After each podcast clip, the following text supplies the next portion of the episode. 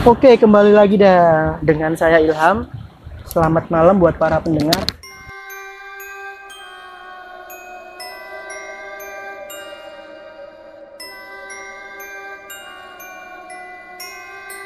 Lanjut dari cerita saya yang kemarin. Setelah kejadian semalam keluar masuk dan uh, apa ya? Keluar masuk dengan kejadian itu interaksi dengan orang-orang paranormal. Besok pagi, siang, sore saya sudah beraktivitas seperti biasa layaknya manusia yang nggak ada gangguan-gangguan gaib, ya kan? Tapi menjelang maghrib, sosok yang namanya Sekar tadi dia nongol di depan saya pas saya nonton TV kalau nggak salah. Ya lagi di kamar aja sih sendirian karena orang tua saya kalau sore kan emang emang kerja tuntutan pekerjaan sore keluar rumah dan saya sendirian di rumah. Nggak ada siapa-siapa sanak keluarga juga juga juga kerja.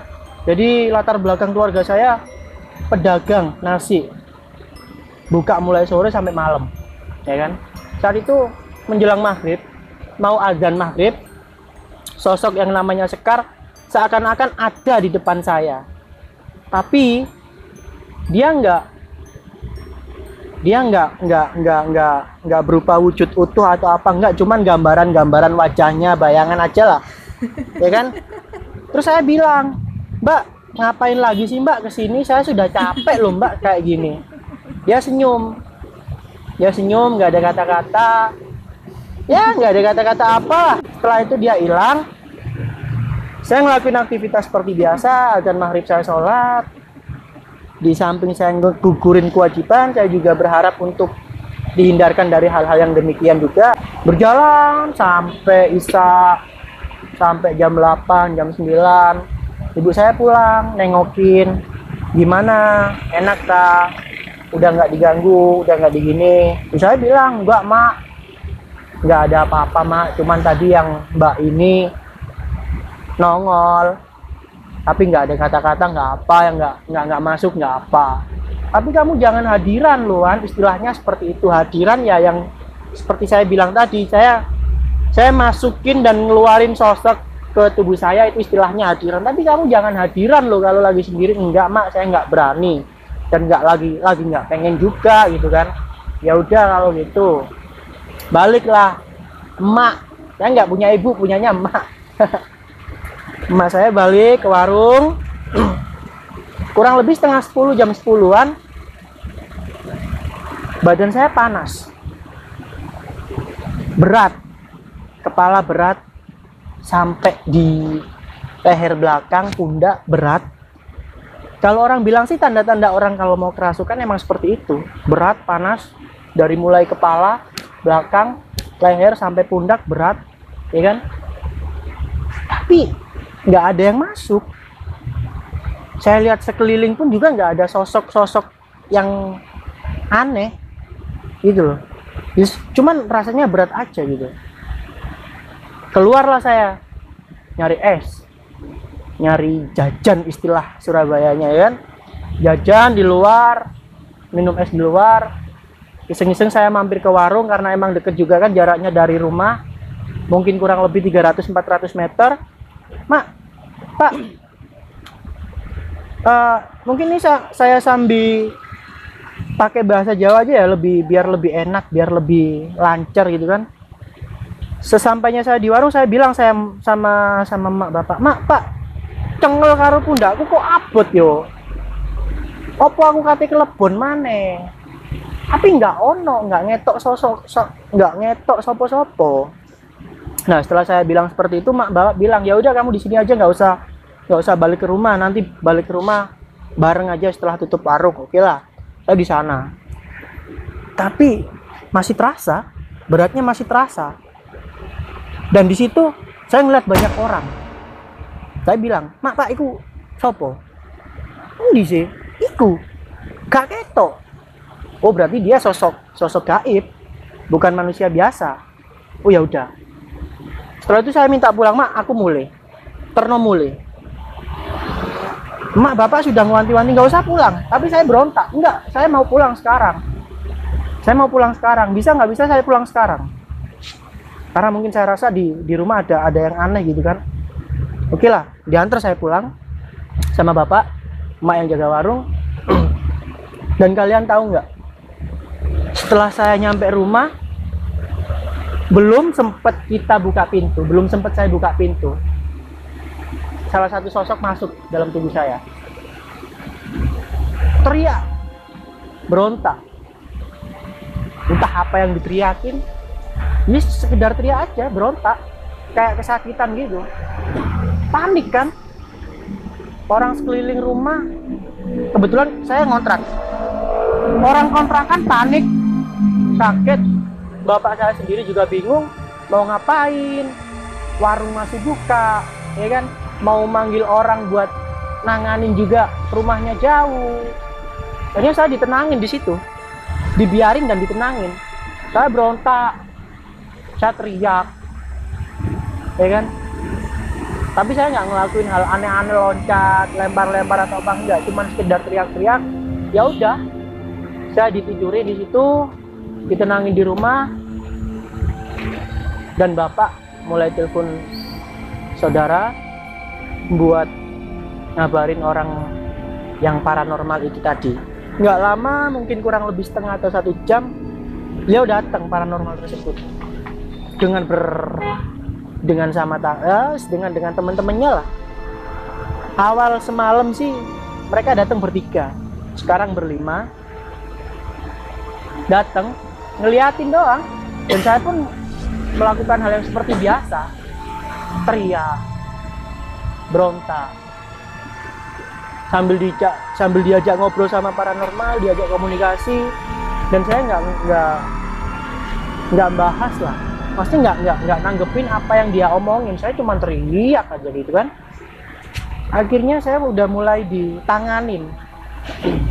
Istilahnya saya mulai ditanganin ya udah kaki dipegang tangan dipegang layaknya orang gila bahkan sempat diikat juga kaki tangan diikat dibacain doa, dibacain ayat-ayat Al-Quran. Ah, mungkin sosok itu dia makhluk-makhluk yang kafir mungkin ya. Jadi waktu di waktu didoain, dibacain ayat-ayat Quran, teriakannya semakin jadi.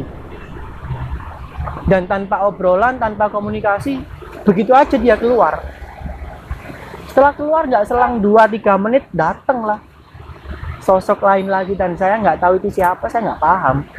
Datang dengan suasana yang lebih tenang dengan suasana yang lebih ayem enak diajak ngobrol layaknya kita layaknya kita ngobrol dengan teman-teman sendiri gitu kan.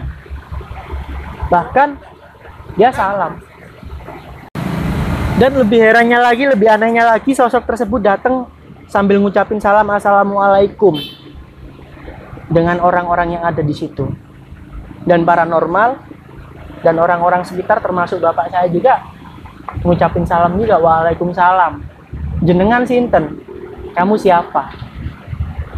Dia nggak mau bilang nggak perlu tahu kalian saya siapa. Saya salah satu orang yang ngejagain anak ini dan paranormal sama bapak mempunyai pertanyaan yang sama jadi Samen termasuk salah satu keluarganya Sekar dan dia bilang enggak saya bukan keluarganya Sekar, tapi saya tahu Sekar itu siapa. Saya tahu Sekar itu siapa. Dan saya peduli dengan anak ini. Sama halnya keluarganya Sekar dan Sekar sendiri, saya pengen jagain anak ini. Dengan kebaikan dan kepolosan hatinya dia yang seperti ini, tapi kenapa teman-temannya dan sekelilingnya dia nggak dan yang lebih mencengangkan lagi yang bikin orang sekitar kaget termasuk bapak dia bilang saya mau ajak anak ini. Saya boleh nggak ngajak anak ini? Biar nggak dijahatin lagi sama orang biar nggak digangguin lagi sama orang-orang sama temen-temennya juga termasuk. Spontan marah dong bapak kan sebagai orang tua enggak. Kamu siapa seenaknya ngajak anak saya gini gini gini. Dan sosok tersebut santai nanggepin ya udah kalau emang nggak boleh nggak apa-apa biasa aja. Dan saya nggak ada niatan yang lain saya cuma pengen ngejagain ngajak anak ini ya udah. Kalaupun kalaupun waktunya dia balik ya balik. Sosok tersebut bilang gitu. Tapi orang tua dan orang sekitar termasuk paranormal tersebut dia nggak dia nggak ngizinin. Nggak usah gini gini gini gini. Kamu keluar. Paranormalnya ngegas. Istilah sekarangnya ngegas sih. Kalau orang Jawa bilang belayer. Nggak usah gini gini gini gini. Marahlah sosok tersebut. Dan lupa-lupa ingat sih ya.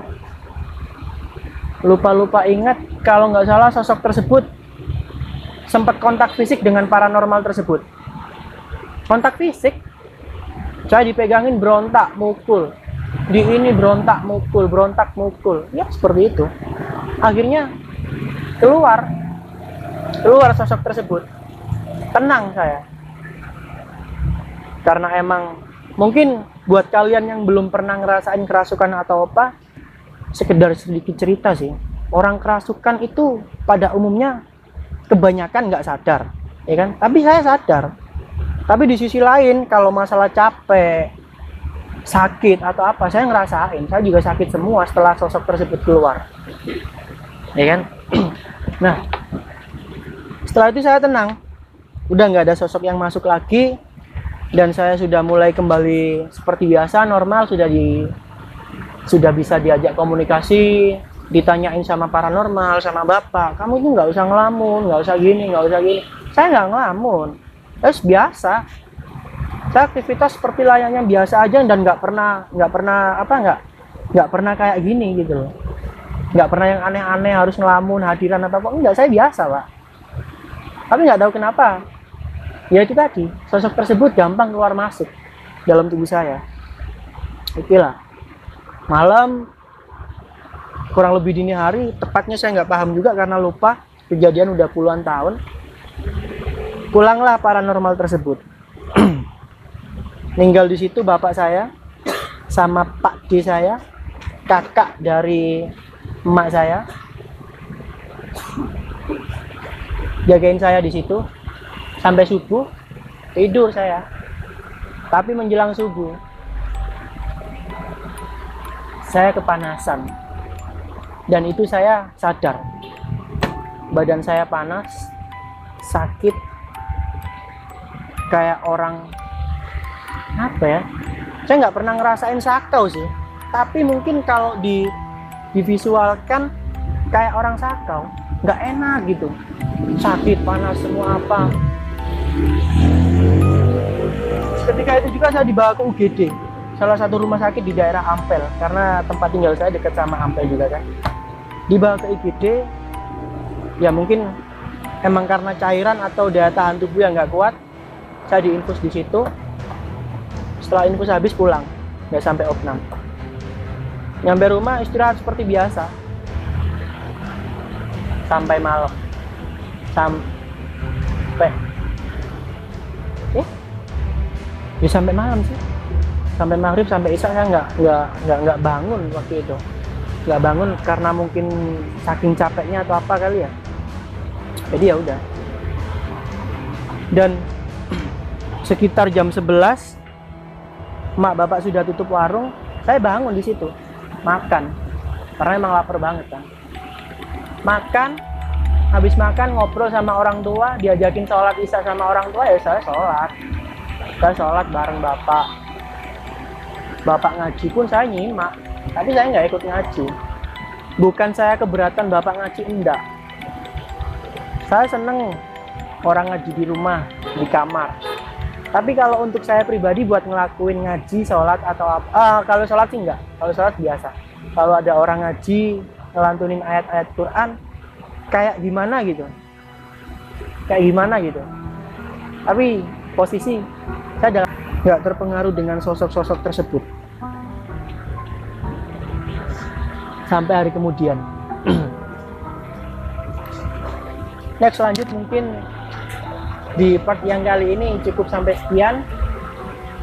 Buat para pendengar jangan pernah skip dan jangan pernah ninggalin podcast jangan sendirian. Yuk wassalam buat kalian